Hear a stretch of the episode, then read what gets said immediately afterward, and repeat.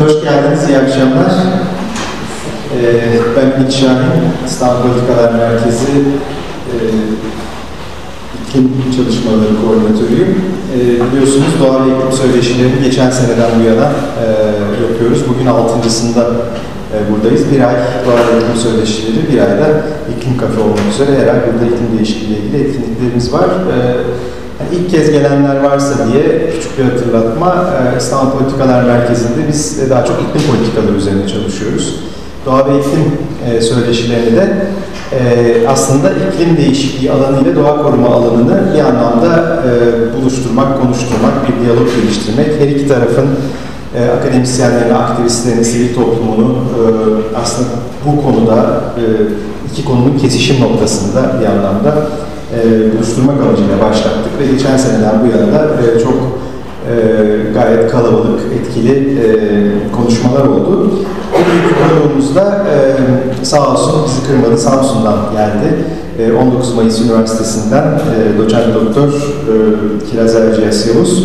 Ben kısaca size kendisini tanıtacağım. Zaten doğa koruma alanında olanlar kendisini e, yakından tanır. Daha sonra da mikrofonu kendisine bırakacağım. E, ve bize değişen iklimin kuşlara etkisini anlatacak. Doğrudan doğruya e, monitöroloji alanıyla e, iklim e, değişikliğinin etkilerini bir araya getiren bir başlığımız var bugün.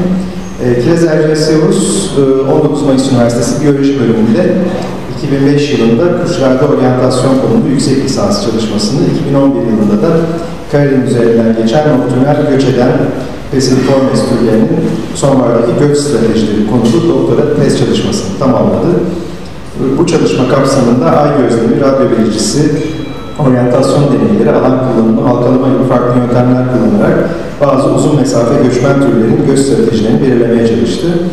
Kuş göçleri başta olmak üzere göç ve konaklama stratejileri, kuşların üreme biyolojileri, dağılımları, kışlayan su kuşları, ve alan koruma konusunda sulak alanlar, e, kuşların taşıdığı patojenler ve alan koruma konusunda çalışmaları e, bulunuyor. Hazırladığı Türkiye Kuş Hareketliliği kitabı, Türkiye'de süzülerek göç eden kuşların göç yolları, popülasyonları ve tehditleri bilgilerini içeriyor. Pek çok e, yayını ve yer aldığı çalışma, araştırma var. E, halen de 19 Mayıs e, Üniversitesi Ornitoloji Bölümü e, Ornitoloji Araştırma Merkezi'nde öğretim üyesi olarak görevini sürdürüyor. Kendisine e, mikrofonu bırakıyorum. Buyurun.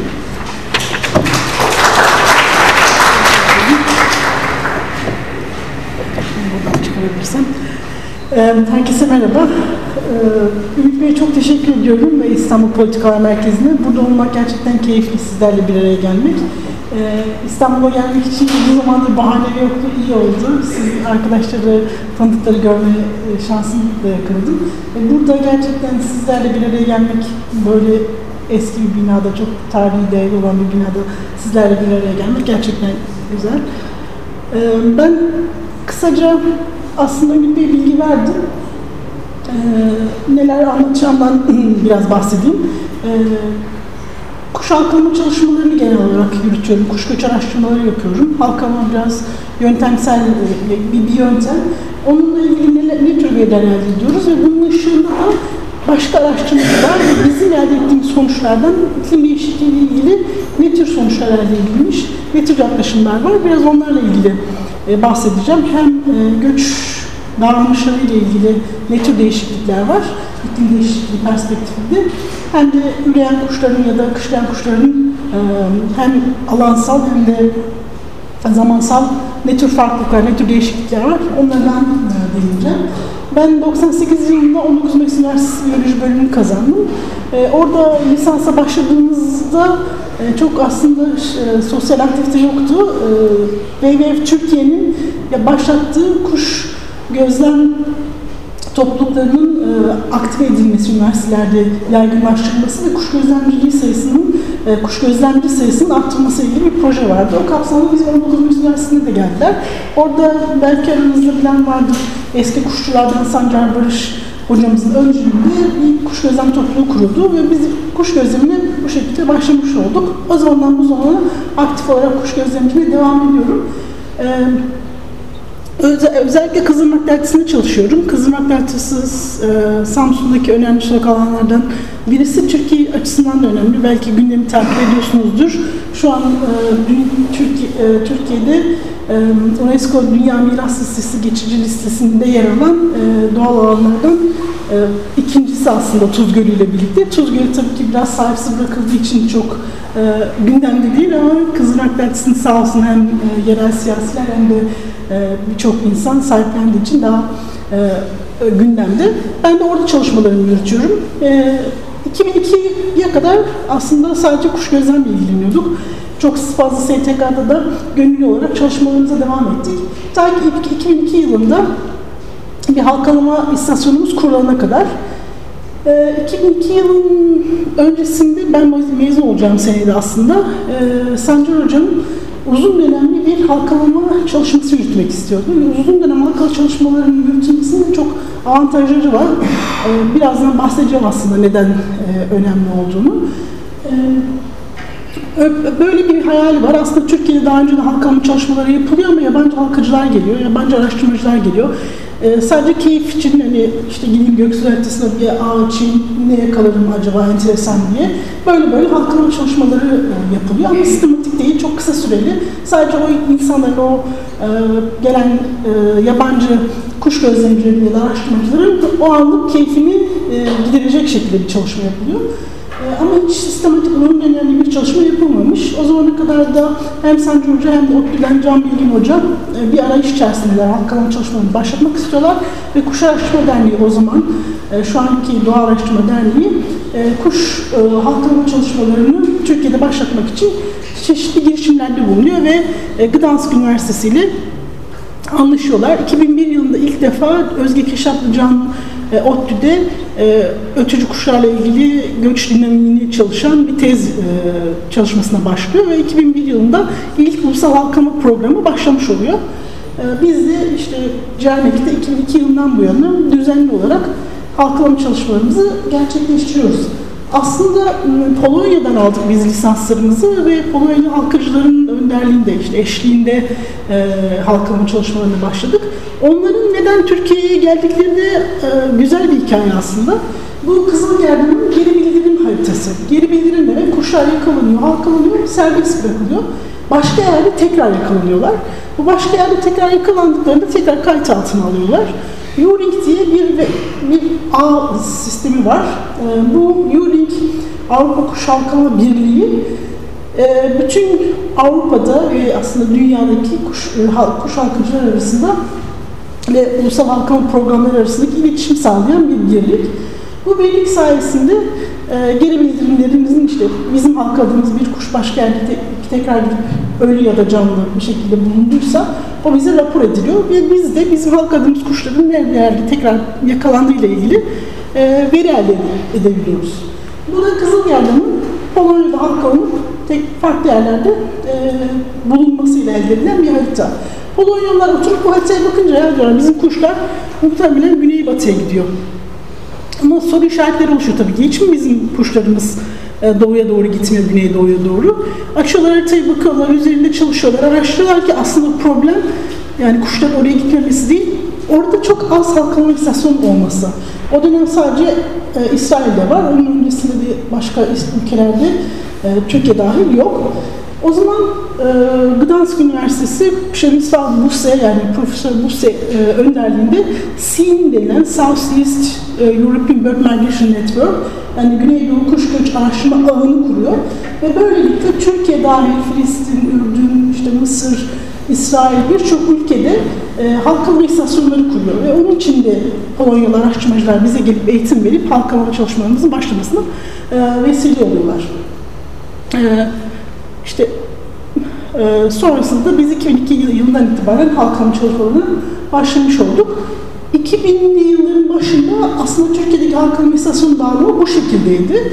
Burada sadece Antalya'daki Titreyen Göl istasyonu sadece Almanlarla birlikte çalışıyordu. Diğerlerinin hepsi SİN e, üyesiydi ve e, Polonyalı halkacılar tarafından e, desteklenmişti. E, kuş cenneti yani Manyas, Akyatan, işte ODTÜ bunlar Kuş Araştırma Derneği yani şu anki Doğa Araştırma Derneği tarafından desteklenen istasyonlardı. Dicle e, istasyonu Murat Hoca, Murat Bilircik tarafından e, yürütülen, koordine edilen bir istasyondu. Ancak onlarla gönüllü ve bu işi devam ettirecek insan olmadığı için maalesef e, Manyas, Akyatan Dicle kapandı. Aras istasyonu zaten daha geç açıldı. 2006'da açıldı. E, Titreyen Göl istasyonunda e, kay, yani yer değiştirdi. Hala devam ediyor ama çok kısa süreli devam ediyor. Çünkü sadece bir kişi var orada halkalama çalışması yapan. E, kısıtlı imkanları olduğu için de uzun dönemi devam ettirmiyorlar. Cani Kalkınma İstasyonu olarak biz e, 2002 yılından beri her, her ilkbahar 15 Mart 30 Mayıs 15 Ağustos 30 Ekim tarihleri arasında halkama çalışması yapıyoruz. Bu aslında ötücü kuşların, işte bazı süzerek göç eden kuşların e, e, göç takvimi diyebiliriz, göç zamanlaması.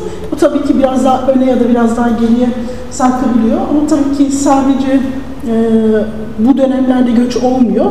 E, süz, e, bu ördekler, su kuşları ya da işte kıyı kuşları gibi e, kuşların da e, farklı zamanlarda göç ettiğini biliyoruz. Biz ne yapıyoruz halkalama istasyonunda?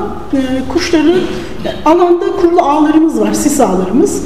Onlarla kuşları yakalıyoruz. Bacaklarına üzerinde bir adres e, bulunan halkaları takıyoruz ve tekrar doğaya bırakıyoruz belli ölçümleri aldıktan sonra. Bu ölçümlerde morfometrik ölçümler, işte kanat uzunluğu, kuyruk uzunluğu, e, tars uzunluğu gibi. Sonra yağına bakıyoruz, kaslanmasına bakıyoruz. E, en başta türünü teşhis ediyoruz. Sonrasında halkayı takıp tekrar doğaya salıyoruz. E, yani mutlaka e, e, istasyonda gönüllerimiz oluyor. Üniversite öğrencileri, burada gördüğüm insanların bir kısmı bizde gönüllü olarak çalıştı. Çok teşekkür ediyoruz. E, şu ana kadar bizi gönüllü olarak gelip katkı vermiş olan kişilere. Yani gönüllü olmadan tabii ki bu işler maalesef e, yürümüyor. E, inanılmaz bir gönül desteğine ihtiyaç var. İstanbul'da da e, 2020 yılından itibaren bir istasyon kurulması planlanıyor. Yani orada muhtemelen e, meraklı olan, ilgi duyan insanlar gelecektir. E, bu e, e, bu şekilde halkın çalışmalarımızı devam ettiriyoruz. Her yıl yaklaşık 10 milyar kuşun hareket halinde olduğu söyleniyor. Bu inanılmaz bir büyük yani kitlesel bir hareket söz konusu. E, hem e, Avrupa'dan e, Afrika'ya hem de Kuzey Güney Amerika arasında bir hareketlilik söz konusu. Tabii ki Asya ile Afrika arasında ya da Asya ile Avustralya arasında da göçler oluyor. Aynı anda neredeyse yani bütün yıl boyuna yayılan bir göç hareketliliği var ve yani bunu çok şey olarak tanımlıyorlar. Bütün işte dünyanın çevresi bir ağ şeklinde göç yollarıyla kaplanmış durumda diye. Burada yani seçebiliyor musunuz bilmiyorum ama çok farklı türden kuşlar var ve çok farklı göç şekillerine sahip kuşlar var. İşte bazı işte leylek ya da büyük getiriler gibi süzerek göç eden türler var. İşte küçük ötücü kuşlar var. Turnalar var işte sümsük gibi deniz kuşları var. Bunların her birinin göç şekli farklı. Göç şeklinden kast da e, aslında İstanbul'dasınız. Muhtemelen çoğunuz biliyorsunuzdur. Süzerek göç eden kuşlar e, ısınarak yükselen hava akımlarını kullanıyorlar ve minimum enerji tasarrufuyla maksimum mesafe göç etmek istiyorlar. Bu da bir avantaj tabii ki göç ederken. E, onların çok daha az enerji harcamalarını sağlıyor. Bu harcamaları vesile oluyor. Bu şekilde e, süzerek göç eden kuşların yanı sıra aktif göç eden kuşlar var. Onlar da ötücüler, ördekler, su kuşları, diğer işte kıyı kuşları gibi kuşlar e, aktif göç ediyor. Yani karalar üzerinin e, deniz aşırı göçler gerçekleştirebiliyorlar. İlla ki karaların birbirine en yakın olduğu yerleri e, takip ederek gitmek zorunda değiller ki süzerek göç eden kuşların öyle bir zorunluluğu var. Çünkü e, hava akımlarına ihtiyaçları var. Hava akımlarına ihtiyaç duydukları için de karaların birbirine en yakın olduğu darboğazları takip ediyorlar. İşte burada renkleri seçebiliyor musunuz bilmiyorum da maviden açık maviye giden tonda e, daire büyüklükleri de değişiklik gösteriyor. E, sıcak nokta denilen süzülerek göç eden kuşların yoğunlaştığı darboğaz noktaları gösteriliyor. Bunlar hem kıtaların birbirine bağlandığı yerler de olabilir. E, diğer taraftan vadi ağızları ya da e, vadi geçişleri gibi noktalarda olabilir. İşte burada e, Avrupa'dan güneye doğru inen kuşların Cebel Tarık Boğazı'yla İstanbul Boğazı'nı yol olarak kullandıklarını biliyoruz. Diğer taraftan daha doğudan e, göç eden kuşlarsa e, Borçka yani Karadeniz üzerinden gelip işte Gürcistan sonrasında Çoruh üzerinden e, daha güneye gidip oradan Hatay üzerinde bölgede birleşip oradan da işte e, İsrail Sina Vadisi e, güneye doğru göçlerini gerçekleştiriyorlar. E, bunların e, burada rakamlar verilmiş. Şurada 1 milyon üstü e, noktalar işte Mısır'ın ve İsrail olduğu olarak gösterilmiş. Bir de Güney Amerika ile Kuzey Amerika'yı birbirine bağlayan noktada 1 milyondan fazla yırtıcı izlenmiş görülüyor. Bu aslında eski bir harita. Çünkü Batumi Raptor County'ye şeyde Gürcistan'da göç izleyen bir ekip var. Tamamen gönüllerden oluşuyor. Hiçbir Gürcü değil aslında. E, çoğu e, Belçikalı. Bunlar e, merak ediyorlar aslında Doğu Karadeniz'de ne oluyor, nasıl bir göç e, yoğunluğu var. Kendileri bir e, grup oluşturuyorlar ve bu Batumi, Bat, Batumi Raptor Count e, grubunu oluşturuyorlar. İnanılmaz şu an aktifler ve çok sayıda hem bilimsel yayın yaptılar ve çok sayıda e, fon alarak çalışmalarını devam ettiriyorlar. Her ülkeden mutlaka her sene katılımcı katılımcı oluyor. Yani bu Amerika'da Hawk Mountain var. Bir STK yırtıcılar üzerine eğitim veren. Aslında onların yolundan ilerliyorlar. Onların yaptığı işi işte Avrupa'da yapan bir e, bir STK olma yolundalar. Oldukça başarılı devam ettiriyorlar ve yılda e, yani bu sene sanırım 1.2 milyon kadar yırtıcı sahipler. Yani bu İstanbul Boğazı'nda yani yanlış hatırlamıyorsam 200-250 bin civarında kuş geçiyor. Bunların çoğunluğu da leylek. E, yırtıcı daha azınlıkta İstanbul Boğazı'ndan geçen e, kuşlara baktığımızda. Dolayısıyla e, Batum, yani Batum'un ve Doğu Karadeniz'in öyle ayrı bir özelliği var. Daha yoğun yırtıcı göçünün geçtiği e, nokta olarak ifade edebiliriz. E, göçü farklı şekillerde izleyebilirsiniz. Biraz önce bahsettiğim bu e, noktalar sadece gözleme dayalı verilerden elde edilmiş. Bir noktada duruyorsunuz, önünüzden geçen kuşları kaydediyorsunuz türleri ve sayılarını. Bu şekilde de yani göçü, e, göçü dar boğazlarda izlemiş olabilirsiniz. Bunu herhangi bir yerde de yapabilirsiniz.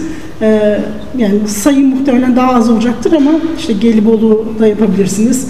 Orada da fena geçiş olmuyor aslında. E, bunu farklı noktalarda yapabilirsiniz ama bu bir kara, birkaç tane kara leylek, e, leyleğe ait e, uydu vericisinden elde edilmiş e, göç rotası. E, kara işte Avrupa'nın kuzeyi ve Orta Avrupa'da çeşitli yerlerde halkalı verici takılan e, kuşların e, bazılarının Cebel Tarık üzerinden bazılarında İstanbul Boğazı hatta bir tanesinin de Doğu Karadeniz yani Borçka işte Batum tarafından güneye indiğini sonra işte Orta Afrika'da Subsaharan Afrika denilen Sahra Altı Afrika'daki kışlama alanlarına ulaştıklarını görüyoruz.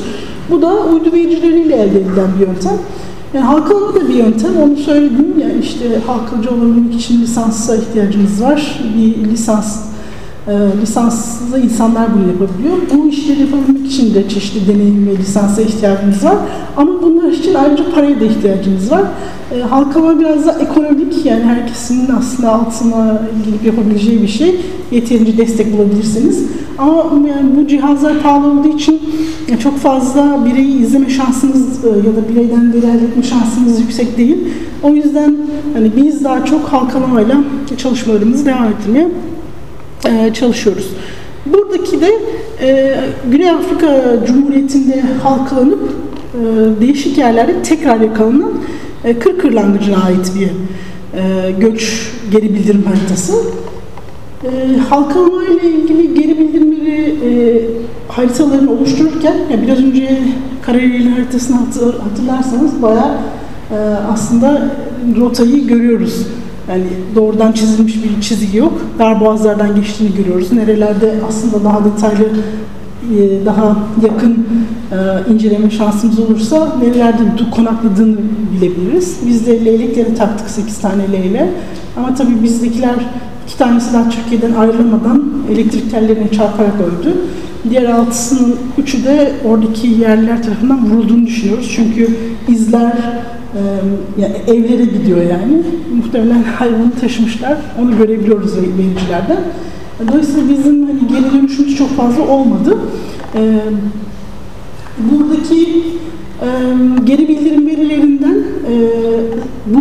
noktayla sizin halkadığınız nokta arasında düz bir çizgi çekiyorsunuz ve size yaklaşabiliyorsunuz ki böyle bir rota izlemiş olabilir. Bu biraz daha tabii ki şey vericilerle ya da geolocator'la elde ettiğiniz veriyle kıyaslayınca daha çok kaba bir veri, yani bir sonuç ortaya çıkarıyor. Ama tabii ki nerelerde yoğunlaştığı, nerelere sizin kuşunuzun gittiği ile ilgili veri toplamak, veri elde etmeniz açısından e, gayet e, tatmin edici bir sonuç veriyor. E, ama bizim şu ana kadar 2002 yılından beri halkadığımız kuş sayısı sanırım 150 bin civarında. Ne kadar geri bildiriminiz var derseniz de 30 civarında. Herhalde bu yine e, Polonyalıların o kaygısıyla örtüşen bir şey. Yani bizim coğrafyada işte güneyde e, bütün açılan istasyonlar, bu Sin tarafından açılan istasyonlar hepsi bir şekilde kapatıldı. Çünkü insanların daha farklı şey, şey sorunları var. O yüzden bizim gerçekten geri bildirime baktığımız zaman çok düşük. Ama biz başka şeyler araştırıyoruz tabii ki. Sadece geri bildirim elde diye bunca hayvanı e, alıp yakalayıp e, ölçüm yapmıyoruz. Farklı çalışmalar da var. Bu şekilde Kırkırlancı'nı hepiniz biliyorsunuzdur zaten. İlkbaharın habercisi denir. İşte baharda gelip sonbaharda e, tekrar Sahra Altı Afrika'ya e, göçünü gerçekleştiren uzun mesafe göçmeni bir tür. Bu şekilde geri bildirim var. E, halkalı şöyle avantajı da var. Bazı türleri arazide görmeniz çok zor. Hele hele ses bilmiyorsanız ve o kuşların sadece sesiyle kendini belli ediyorsa o, o zaman gözlem yoluyla bazı türlerin tespiti son derece düşük. Bu Mısır'dan elde edilen bir veri. E, Mısır'da gözlem yoluyla küçük akkerdanla ötülen e, %4 oranında tespit edilmişken e, halkalı ile %18 oranında tespit edildiğini görüyoruz. E, bazı türler için gerçekten e, yani serçe dışında çünkü serçe her yerde var ve kendini gösteriyor zaten ve insana yakın yaşıyor. Ee, o nedenle de halkama aslında bize olmadığını düşündüğümüz türlerin de alanda olabileceğini gösteriyor. Şöyle bir örnek vereyim bizim burası için. Bu bizim istasyonun e, yani boz ötleyen, boz ötleyen gri, boz bir hayvan, yani gri kahverengi. E, ötüşünü duyabilirsiniz ama çok saklanır, aşırı derece saklanır. Ya yani ben e, doktora tezim çalışması kapsamında onları vericiyle izledim aynı çalıda yani iki hafta boyunca aynı çalıda hiç kıvırlamadan kalıyor yani hiç hareket etmiyor. Dolayısıyla hani çıkmadığı sürece, ötmediği sürece hele hele sonbaharsa onu tespit etmemiz neredeyse mümkün değil. Bu halkalama ile verisi 2019'da halkaladığımız e, bozötlen sayısı 838. Gözlem verisi de E-Bird'e 2019 yılında toplam gelmiş kayıt sayısı bozötlerle ilgili. Aslında baktığımızda Türkiye'de o kadar insan varken kuş gözlemcisi ve herhalde e, kayıt sayısı da bu sene 70 bin üzerindeydi toplam kayıt sayısı. Toplam girilen kayıt sayısıyla da kıyasladığımızda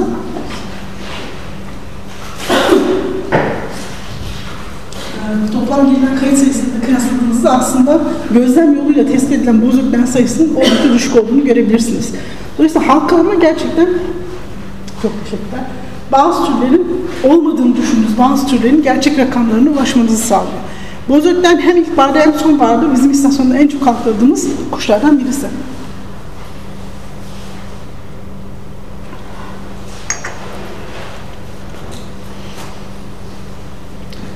Diğer taraftan kuşların göç takvimiyle ilgili veriler elde edebiliyoruz. Bu bir e, Söğüt bülbülüne ait ilkbahar ve sonbahar göç dinamiği. Yukarıdaki ilkbahar, aşağıdaki de sonbahar göç dinamiği.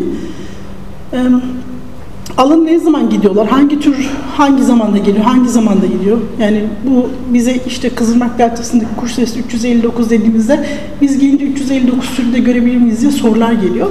Hayır tabii ki göremezsiniz çünkü ben daha hepsini göremedim. Bazı türler var ki sadece bir kere kaydedilmiş. Onu hani o gözlemleyen şanslı kişi görmüş sadece. Onlar tabii ki rastlantısal türler.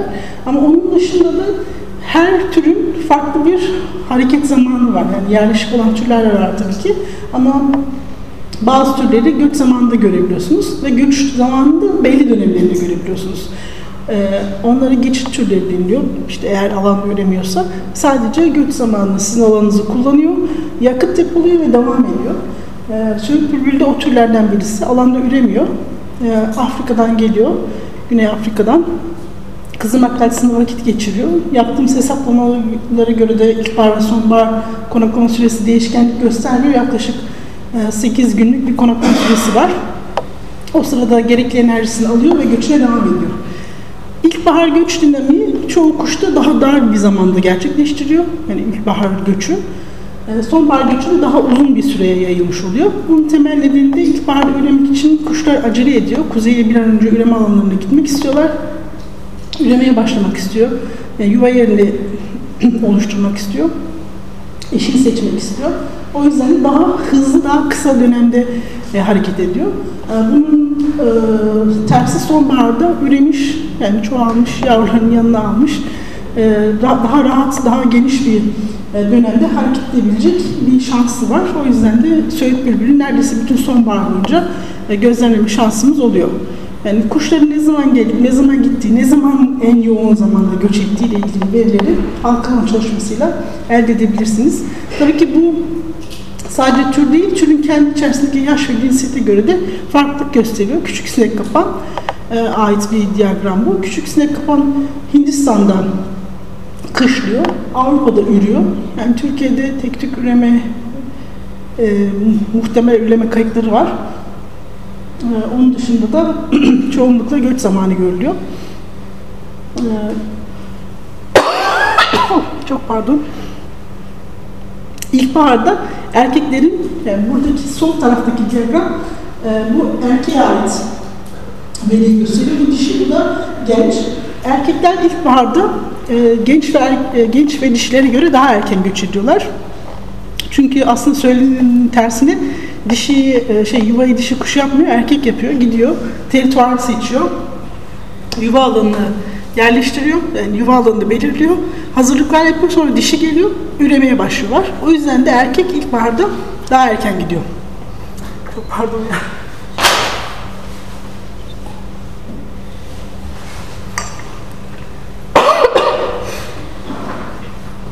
Sonbaharda ise çok belirgin bir fark yok çünkü dediğim gibi sonbaharda üreme dönemi kapanmış oluyor. Bu kadar ayırıcı, belirleyici bir e, gayeleri yok. O yüzden de sonbaharda bir farklılık, en azından istatistiksel olarak bir farklılık gözlenmiyor. E, genç, e, erkek ve dişi açısından göç zamanlaması farklı görülmüyor. Baktığımız, kuşlar yakaladığımızda baktığımız diğer bir şey yağlanma miktarları ve kaslanma miktarları. Kuşlar göç öncesi deri altında izlenebilir şekilde yağ biriktiriyorlar. Yani bu da siz nasıl arabayla bir yerden bir yere giderken benzin alırsınız ve benzinle belli bir mesafe kat edersiniz. Bunlar da aynı o şekilde. Yağlarını depoluyorlar. Bu yağları depo, depo yakıt olarak işlev görüyor. Hem yağ enerji elde ediyorlar hem de su yani yaktıkları e, yağ vesilesiyle su da elde etmiş oluyorlar. Bunu da bu dönemde e, yani çeşitli fizyolojik ve metabolik e, adaptasyonlar gerçekleştiriyorlar. Çok hızlı besleniyorlar. Yani e, vücutlarının yaklaşık yüzde onu kadar bir ağırlık artışı görmek mümkün oluyor bir günde. Yani 70 kiloysanız bir günde yaklaşık olarak 7 kilo aldığınızı düşünün. Çok pardon. Oh. Bir hastalığın üstüne geldi o yüzden çok zorlanıyorum. Çok özür dilerim.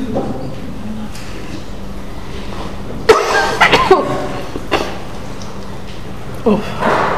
Deri altında dediğim gibi izlenebilir şekilde yağları gözlenebiliyoruz. Bu sıfırdan 8'e kadar yarı kantitatif bir e, özellik, yani bir nicel gözleme dayalı veri elde ediyoruz. İşte sıfırsa hiç yağ skoru yok, 8 ise yağ skoru tamamen e, dolmuş ve göçe hazır anlamında kullanılıyor. Da göç zamanı ne kadar var, e, ne kadar e, yeni göçten gelmiş ya da göçe hazır onunla ilgili araştırmaları yapmak için kullanıyoruz. Konuşamayacağım. Ee, ya tabii ki birçok sadece göç etmek için e, önemli bir e, bir şey değil. E, hem üreme öncesinde vücudunda yağ olması lazım ki e, çok teşekkür ediyorum. Herkes seferber oldu. Çok sağ olun.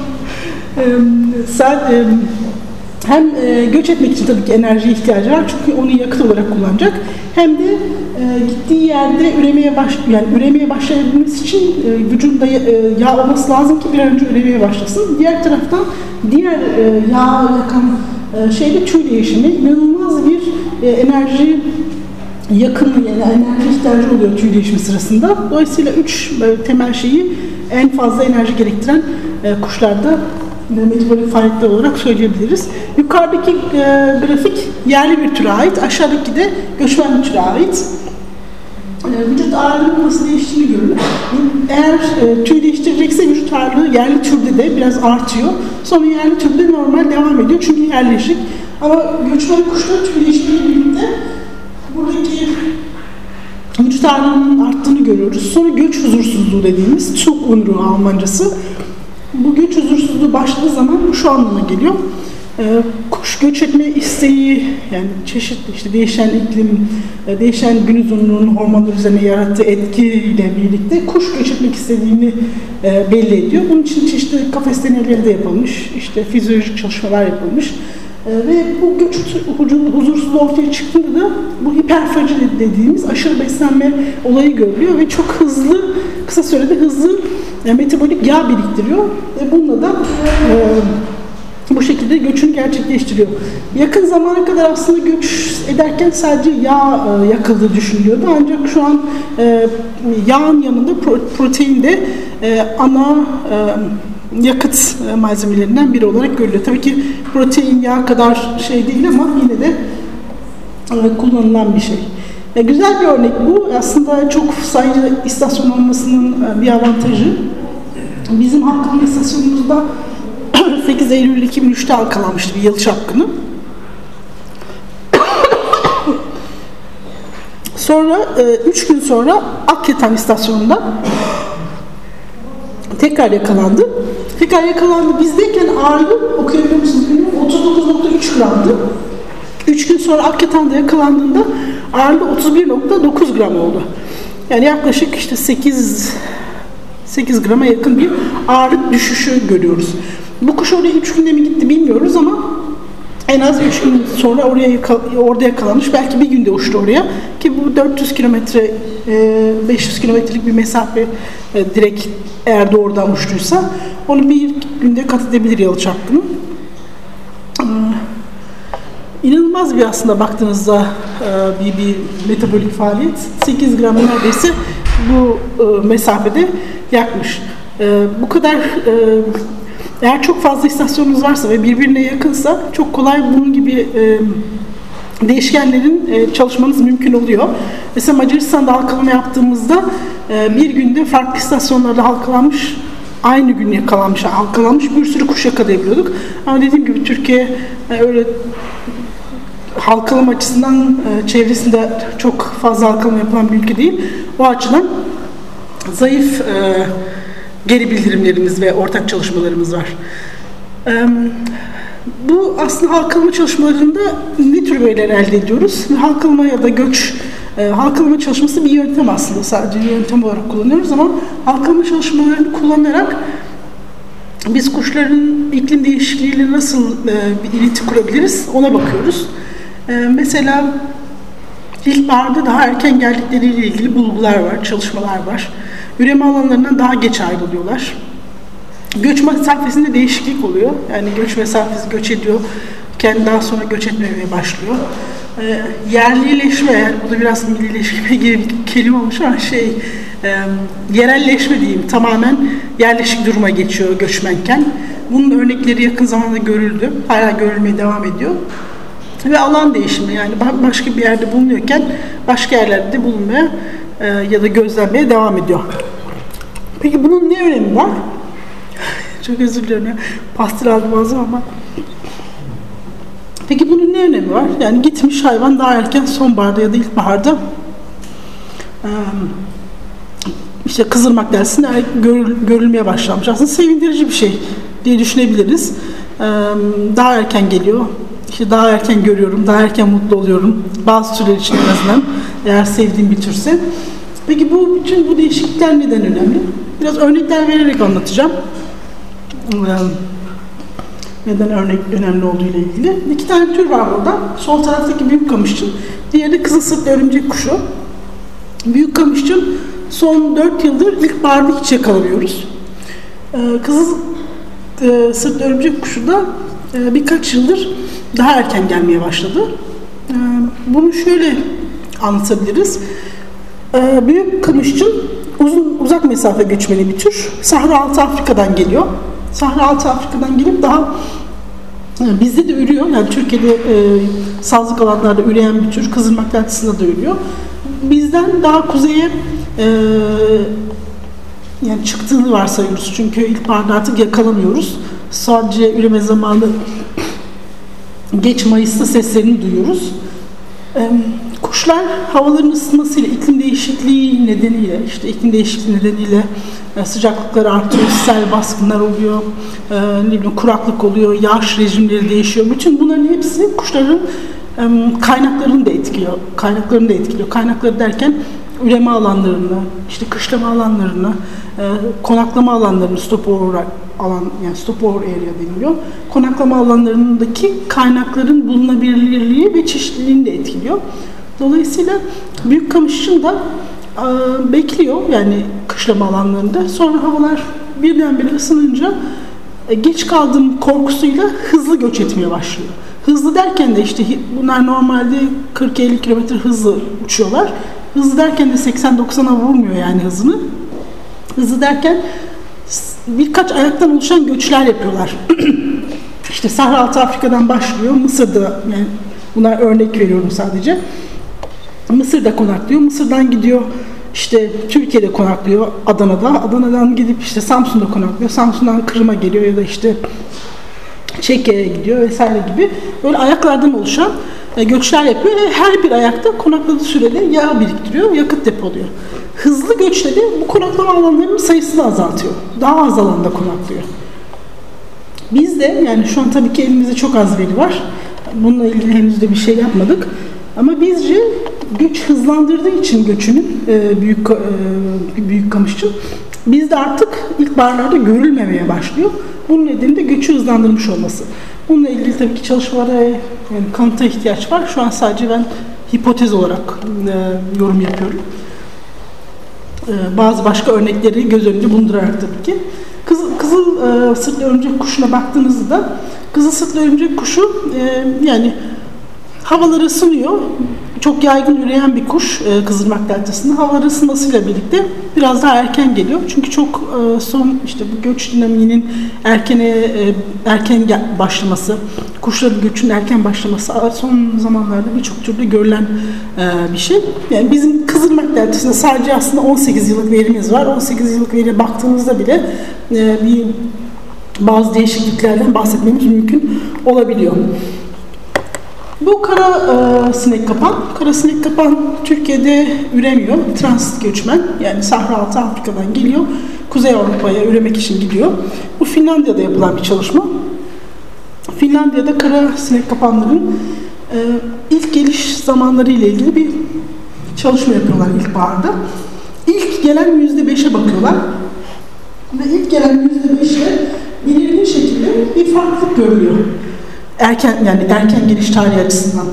1971'de başlıyor çalışma. 1971'den 2000'li yıllara kadar ilk gelen %5'e baktıklarında e, er, daha daha erken geldiğini zaman içerisinde daha da erken geldiğini tespit ediyorlar.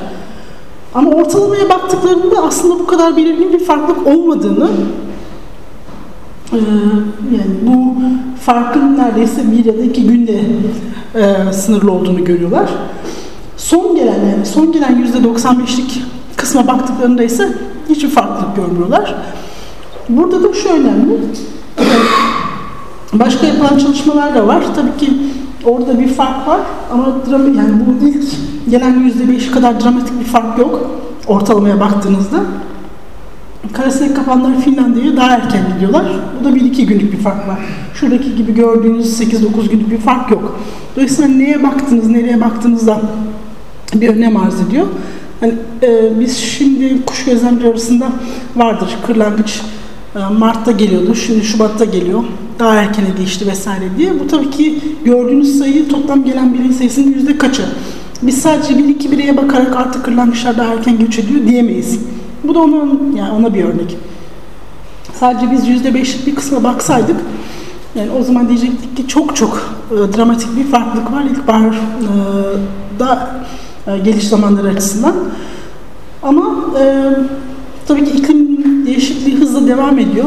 Araştırmacıların beklentileri de bu hızın giderek daha e, bu hızın diyorum bu farkın giderek ortalamada da e, artacağı yönünde e, bir çalışma var.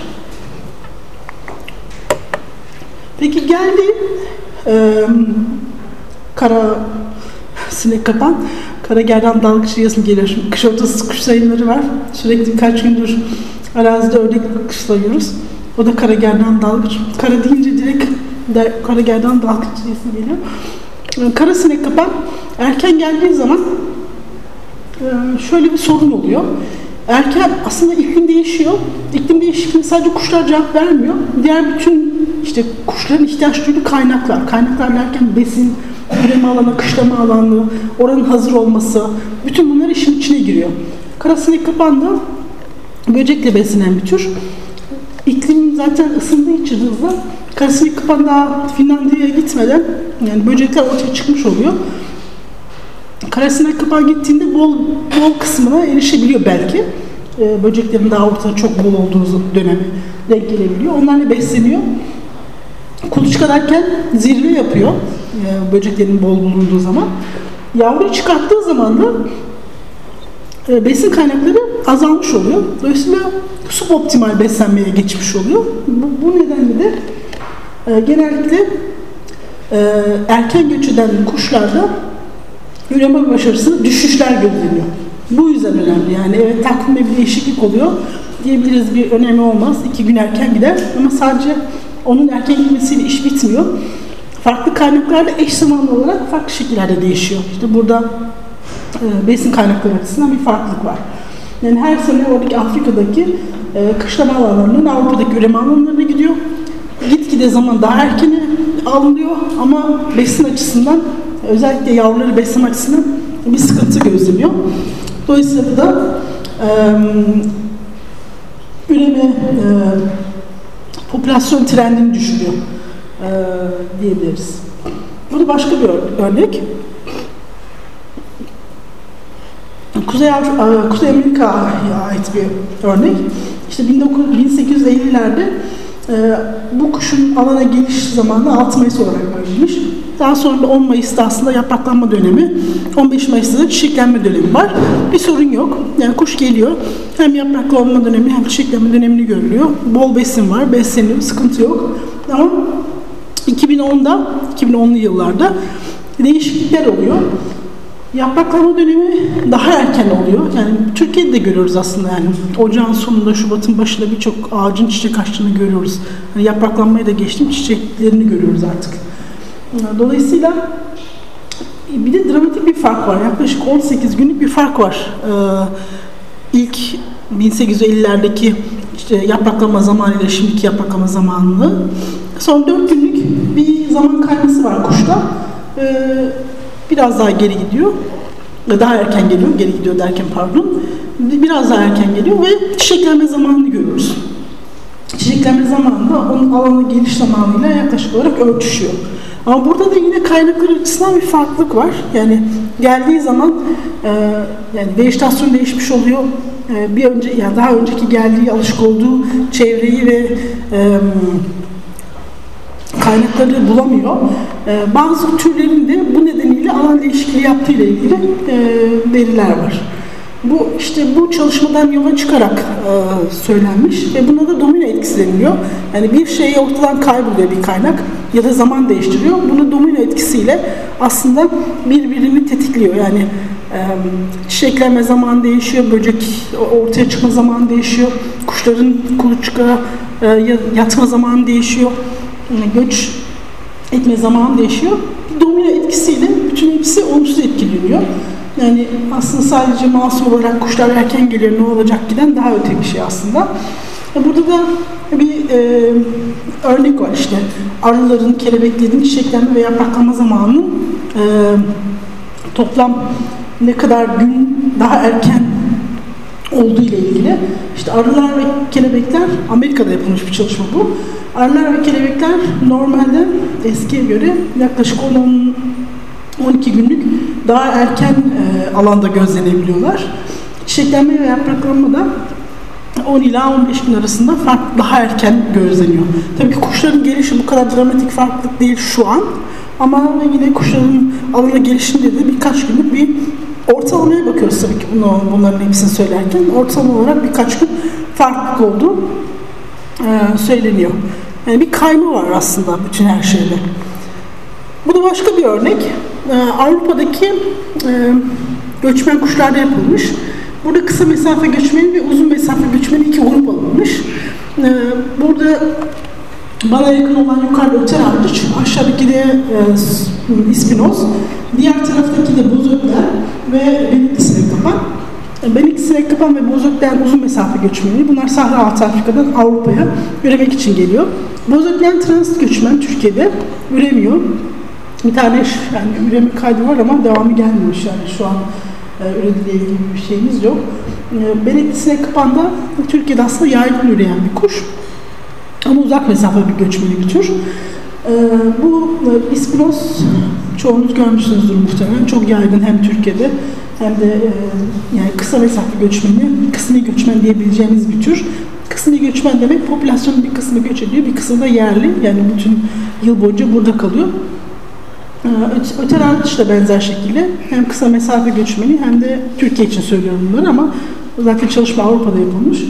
Ee, Türkiye için de e, kısa mesafe göçmenin e, bir tür. Ee, her bütün e, yapılan çalışılan türlerde kısa mesafe hem kısa mesafe göçmeni türlerde hem uzun mesafe göçmeni türlerde zamana göre 1961'den başlamış çalışma 2000'li yıllara kadar belirli şekilde ortalama alana geliş süresinde bir azalma olduğu daha erken geldikleri söyleniyor. Buradakiler Junior dediğimiz işte, işte Ocak 1'i 1 olarak kabul edilip sonra üstünde 2, 3, 4 diye sayıyor. Dolayısıyla alana geliş tarihleri her ikisi açısından da hem uzun mesafe hem de kısa mesafe göçmen türleri açısından daha erken geldiklerini söyleyebiliriz. Peki bu bunun e, baktığınızda e, kısa mesafe göçmeni Sahra Altı Afrika'dan geliyor dedik. Sahra Altı Afrika'da olan olaylar aslında e, değişiklikler, iklimsel etkilenmeler, kuraklık, yani Orta Orta Avrupa'dan ya da e, hemen Akdeniz'in şey Akdeniz'in kuzeyindeki bölgeden biraz daha farklıdır. Dolayısıyla aslında farklı cevap vermelerini bekleriz. Yaz, göç zamanlarındaki kayma biraz daha farklı olmalı ya da verdikleri cevap farklı olmalı. Ama buradaki onların tetikleyicilerin iyi bilmesi lazım.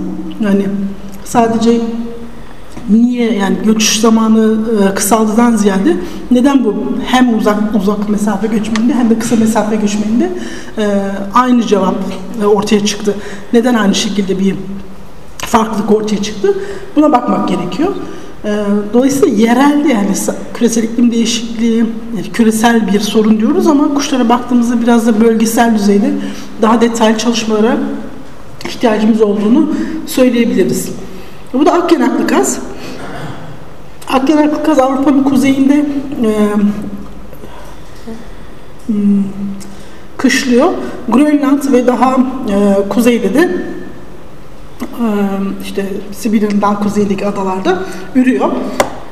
Normal herhangi bir sıkıntı olmadan bir ilkbaharda kalkıyor. Bir sonraki e, spor yani konaklama alanına gidiyor. Orada vaksini geçiriyor, besleniyor. Bir sonraki üreme alanı, yani bir sonraki adımı üreme alanı oluyor ve üreme alanına da daha önce bir yerde konakladığı için yeterince yağ deposuyla ulaşmış oluyor. Şuradaki aslında dal. Başlıyor, gidiyor bir yerde konakladıktan kasap üreme alanına geliyor. Üreme alanına geldiğinde de normal zamanlama olduğu için normal ilkbaharda besinlere ulaşabiliyor. Besin yani bütün aslında üreme şeyleri de öyledir. Besin e, yavrunun çıktığı dönemde en yoğundur. Orada da optimal beslenme alanları ve besin kaynakları yavrunun çıktığı dönemde e, taban yapmış durumda. Dolayısıyla e, yavru üreme başarısı da e, yani üreme başarısı da yüksek oluyor. Ama eğer ilkbahar daha erken gelirse, hava ısınırsa o zaman hayvan acele ediyor. Acele ettiği için de konaklama biraz önce Türkiye'deki büyük kamış yani bizim istasyondaki büyük kamış için verdiğim örneğin aynısı aslında. Hızlı hareket ediyor. Hızlı hareket ederken de e, konaklama alanı es geçiyor. Üreme alanına varıyor. Üreme alanına gittiğinde de bütün kaynaklarını tüketmiş oluyor. Tekrar kendini toparlayabilmek için aşırı besleniyor. Bunun için de üremeye başlamak için zaman kaybediyor. Üremeye geç başlıyor. Üremeye geç başladığı için zaten ilkbahar e, erken geldiği için oradaki besin kaynakları da erken ortaya çıktı. Dolayısıyla yavru kuluçka alarken e, en e, optimal beslenme zamanı ortaya çıkıyor. Sonrasında da yavru yuvadan çıktıktan sonra şurada yani optimal beslenme kaynakları ortadan kalkmış oluyor. Yavru üreme başarısı düşüyor. Dolayısıyla yani popülasyon trendi düşüyor. Sayıları azalıyor. Çünkü daha az yavru veriyor. Ee, buna da green wave hipotezi deniliyor. Yani green yeşil ışık. Aynı siz araba kullanırken yeşil, ışık, yeşil ışık dalgası deniliyor ya.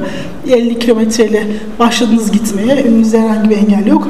Duraksız, hiç pürüzsüz her şeyinizi halledebiliyorsunuz. Gidiyorsunuz işte varacağınız noktaya yani bu kadar Türkiye trafiğinde olmuyor ama öyle varsayalım. Yeşil ışık dalgasıyla o, o şekilde ilerleyebiliyorsunuz. Bu, o yüzden de bunu green wave demişler. Green wave hypothesis. Çünkü bir sorun oluşmuyor. Ama aşağıdan daha erken geldiği için ilkbahar bir sürü birbiriyle e, biraz önce dediğimiz domino etkisiyle birbirine bağlantılı farklılıklar ortaya çıkıyor ve üreme başarısının düşüş gözleniyor. Bu da yine Avrupa'da 117 e, kuş türünde yapılmış bir çalışma. E, siyah noktalar e, uzun mesafe göçmeni türler. E, açık dairelerde kısa mesafe göçmeni türleri belirliyor. Burada da mismatch işte bir sürü işin birbiriyle bağlantılı olarak karışması sonucunda popülasyon trendinin azaldığını görüyoruz. Yani işte zaman değişiyor, erişilebilir kaynaklar açısından farklılıklar gözleniyor. E, popülasyon önemli ölçüde azalmış. Trend zaten. Bu da regresyon katsayısı aşağıdaki eksenin bir azalma olduğunu görüyoruz. Dolayısıyla sadece basit bir şekilde şey açısından bir farklılık yok.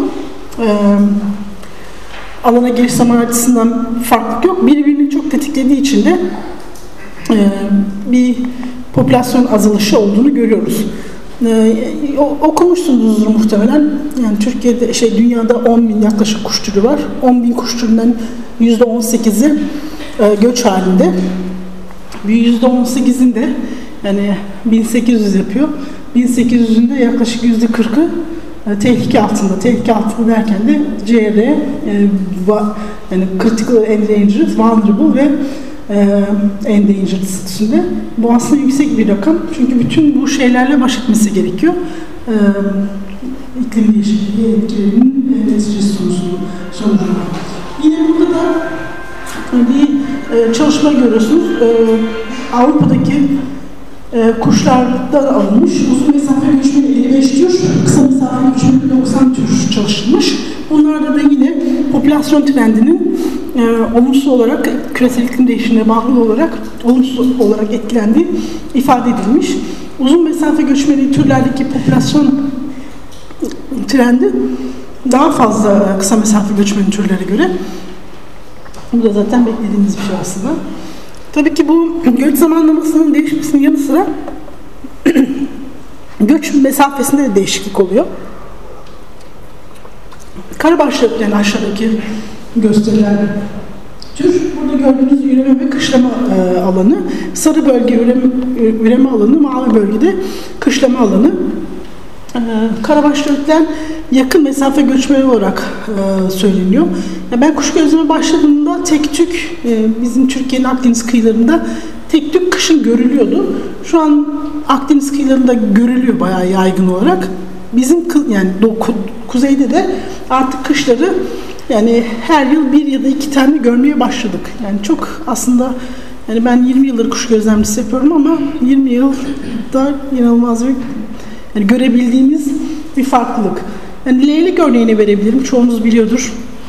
Leylek e, aslında uzun mesafe göçmen bir tür ama artık oportunistik besleniyor. E, özellikle İspanya'da e, ve İspanya'nın kuzeyine doğru e, artık kışın da görülmeye başladı. Çünkü çöplerde besleniyor. Çöplerde fırsatçı olarak beslendiği için besin kaynaklarına erişebiliyor ve göç etmiyor. Dolayısıyla göç mesafesinde değişiklik oluyor. Diğer taraftan da hani bir, biraz önce söylemiştim yerlileşme yani yerleşik duruma geçiyor. Artık göç etmiyor. Aslında yerlileşme der, derken de bunu hani biraz temkinli söylemek lazım. Aslında biz şey bilmiyoruz. Bizim burada görülen bireyler aslında yıl boyu bizde görülen bireyler miydi yoksa kuzeyden gelip bizde kalan bireyler mi onu bilmiyoruz. Yani o yüzden hani biraz temkinli söylemek lazım ama en azından artık karabaş şöhreti'ni yıl boyu görüyoruz. Öyle söyleyebiliriz. Yani şöyle bir şey oluyor, oluyor. Bizdeki karabaş şöhreti yani güneye göç ediyor. Bir kuzeydekiler bize gelebiliyor ve bizde kışlayabiliyor. Biz bunu şu an anlayamıyoruz ama belki ileride e, daha fazla çalışma yapınca bunu da cevabımız olabilir. E, dolayısıyla göç mesafesinde değişiklik görülebiliyor. E, bu da Hollanda'da yapılan bir çalışma. Hollanda'da 24 tür çalışılmış. 24 türün göç mesafesini zamana bağlı olarak sıcaklık değişimiyle ilişkisi çalışılmış. Çok farklı yani sadece ötücü değil, hem baykuşlar, işte ibibikliler gibi farklı kuş türleri de ilerlemiş.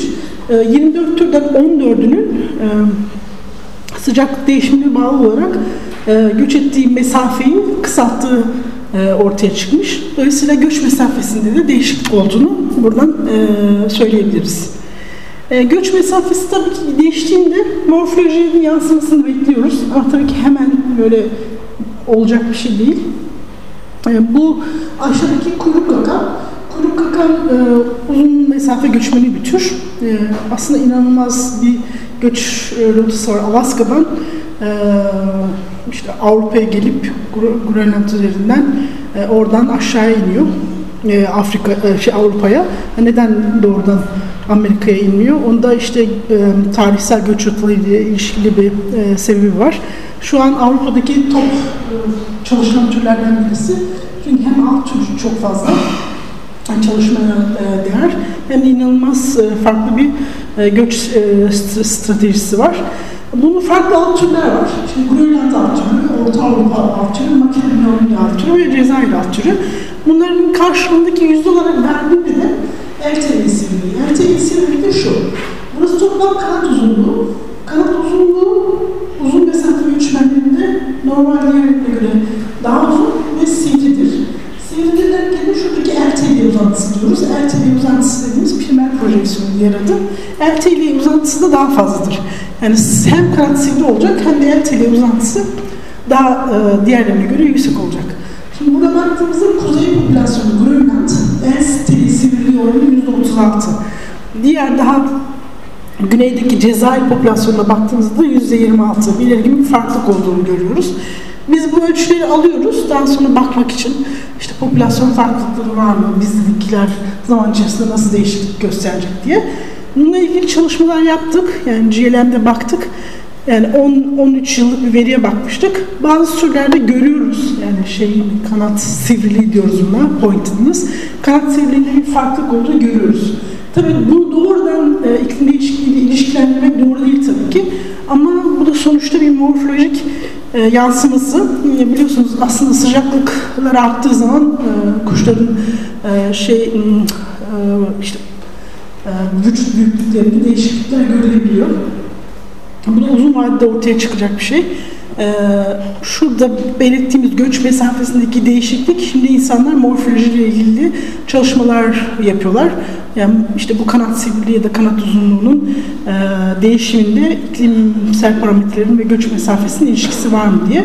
Yani çoğu insanlar bu yani farklılık görüyor ama tabii ki doğrudan bunu iklimsel değişiklik nedeniyledir diye söylemekten yani sakınıyor. E, bunu görmüşsünüzdür. Yakın zamanda çıkan bir haber aslında. Yaklaşık bir ay önce basında çok yer aldı. Kuşlar küçülüyor diye bir haber yapıldı. E, işte bu e, Amerika'da camlara çarparak ölen kuşlar toplanıyor. uzun yıllar boyunca 78'den bu yana 78'den bu yana 78'den 2006'ya kadar toplanıyor ve onların hepsinin vücut ölçüleri alınıyor. İşte vücut ölçüleri, tarsus uzunlukları ölçülüyor ve bir kıyaslama yapılıyor. Bu 70 bine yakın kuşu ölçmüşler. 70 bine yakın kuştan da yüzde 2.6'sın pardon bu kuşların vücut büyüklüğünde yüzde 2.6 gibi zamanı bağlı olarak bir azalma olduğunu ortaya koymuşlar. Benzer şekilde tars uzunluğunda da yani bacak uzunluğunda da %2.4'lük bir azalma olduğunu ifade ediyorlar. Vücut büyüklüğünün değişmesini de işte bu iklim e, iklimsel değişiklikler sonucu adaptasyon işte kısa mesafe göç ediyor. E, daha hızlı göç etmesi gerekiyor. E, çeşitli biraz önce bahsettiğim e, etmenler nedeniyle vücudun küçültmesi lazım ki daha az enerji harcasın, daha hızlı hareket edebilsin, e, yani daha hızlı, daha az metabolizmaya ihtiyaç duysun. Bunların bir adaptasyonu sonucu olduğunu e, ifade etmiş araştırıcılar.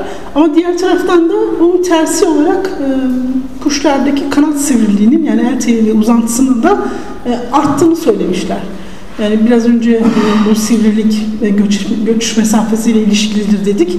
Bunda da yani bunun ters bir ilişki e, ortaya koymuşlar. Yani muhtemelen ölçecek ve analizlerine devam edeceklerdir. Biz de bekliyoruz ne tür sonuçlar ortaya çıkacağını. Ee, ya iklim değişikliğinin bir başka neden olarak da alan değişimi gözleniyor. Alan değişimi derken de bir yerde görülüyor artık o yerde görülmemeye başlıyor ve başka yerlerde görülüyor. Yani bunu Türkiye'den örnekler verebiliriz. Ee, ilk aklıma gelen e, Kadife örnek olabilir. İşte burada yürüyordu artık görülmüyor. Bunun gibi bir sürü örnek çoğaltılabilir. Bu Amerika'da yapılan bir çalışma.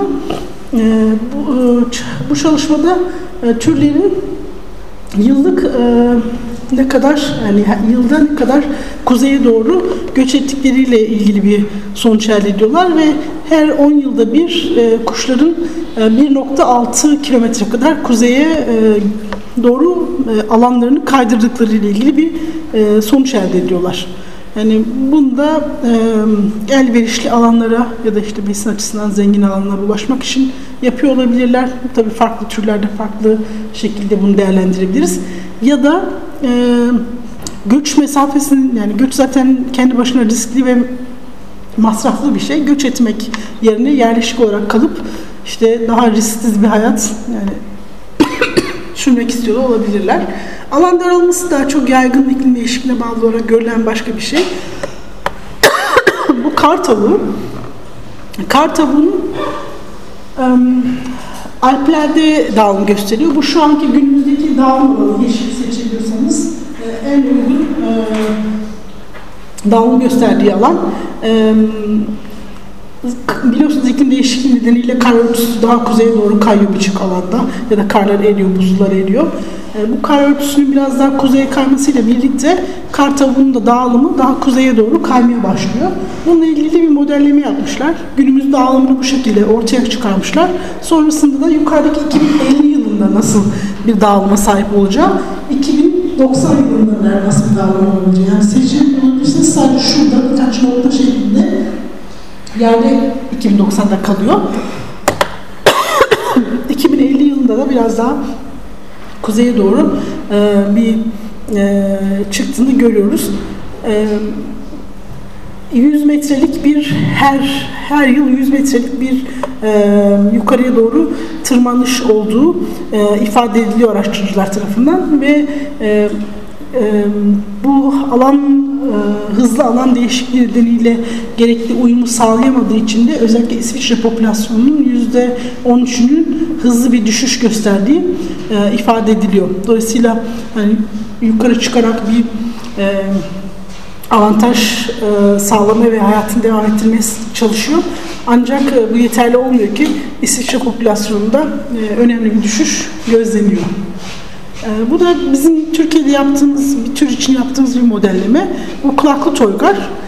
Kulaklı toygarda yani yüksek irtifa kuşu, yani biraz ım, düz ovaları ve yüksekleri seven bir kuş. Modelleme yaptığımızda aslında işte Anadolu diagonali, yüksek dağ, e, işte Toroslar, yüksek Orta Anadolu'daki yüksek yerlerde görülüyor günümüzde.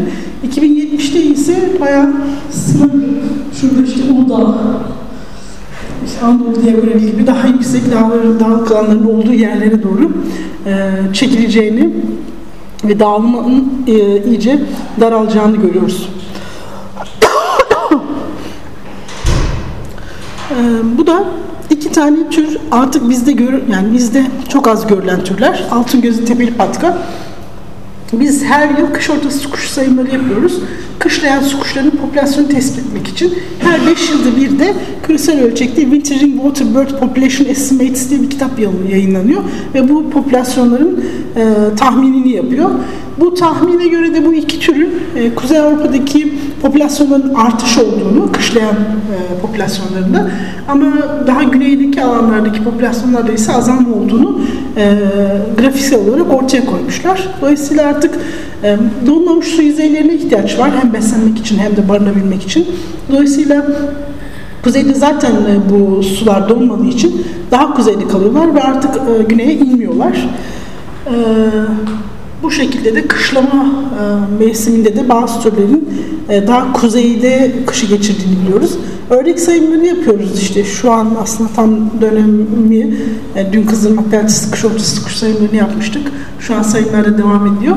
E, yani, bu gerçekten bazı türlerin e, çok hızlı bir şekilde e, birkaç yıl içerisinde göremediğinizi ya da daha az gördüğünüzü gözlemleyebiliyorsunuz. E, biz de analizler yapıyoruz bununla ilgili. Özellikle korunma alanlarla korunmayan alanlardaki e, su kuşu çeşitliliği ve sayısı açısından farklılık var mı diye e, Conservation Biology'ye kabul edilmiş bir yayınımız var. O da e, gerçekten korunan alanlardaki su kuşu sayısının e, korunan, korunmayan alanlara göre daha yüksek olduğunu söylüyor. Dolayısıyla kor, yani iyi ya da kötü korunsa da korunan alan e, yine de e, iyi olarak değerlendirebiliriz.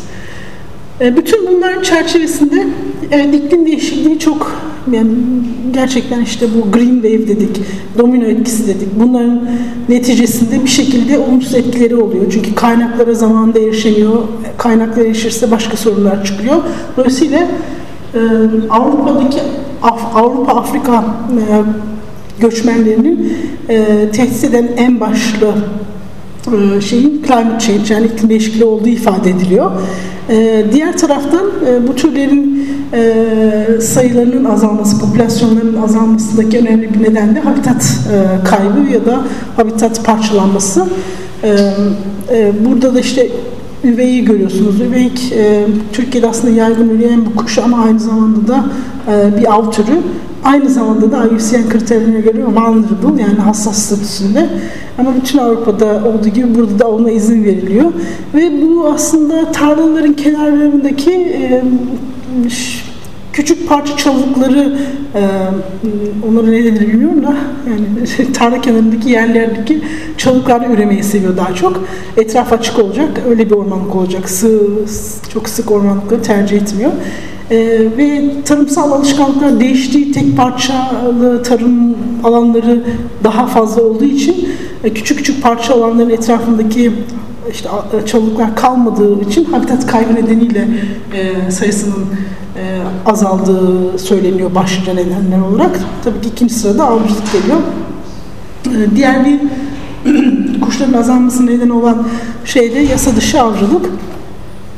Orada bıldırıcını görüyorsunuz. Yani bıldırıcının için e, yani İsrail ya e, İsrail e, Lübnan, e, Libya'da şey görüyorsunuzdur, e, basında takip ediyorsunuzdur. İnanılmaz bir av baskısı var. İşte e, 70 kilometre boyunca ağlar kurulmuş çöllere ve onlarla yakalıyorlar. Yani zaten e, canlı çıkarmak gibi bir şeyleri yok. Öyle olarak çıkartıp onları e, yiyorlar.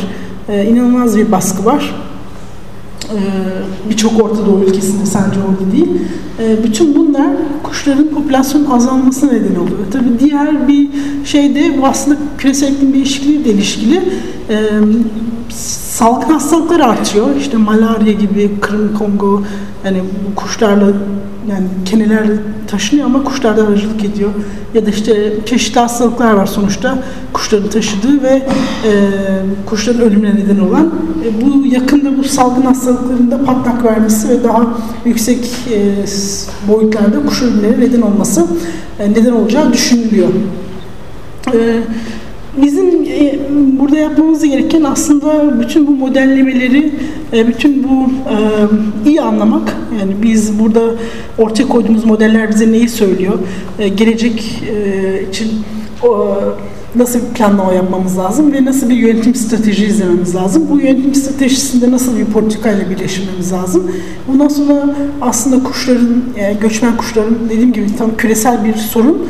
Ee, ancak işte konaklama alanlarındaki sorunlarla karşılaşıyorlar, bilim alanlarındaki sorunlarla karşılaşıyorlar. Dolayısıyla her yerde bir sorun var. Bölgesel ölçekte de ülke bazında da yapacağımız e, e, koruma faaliyetlerine odaklamamız e, gerekiyor diye düşünüyorum. Dinlediğiniz için teşekkür ediyorum.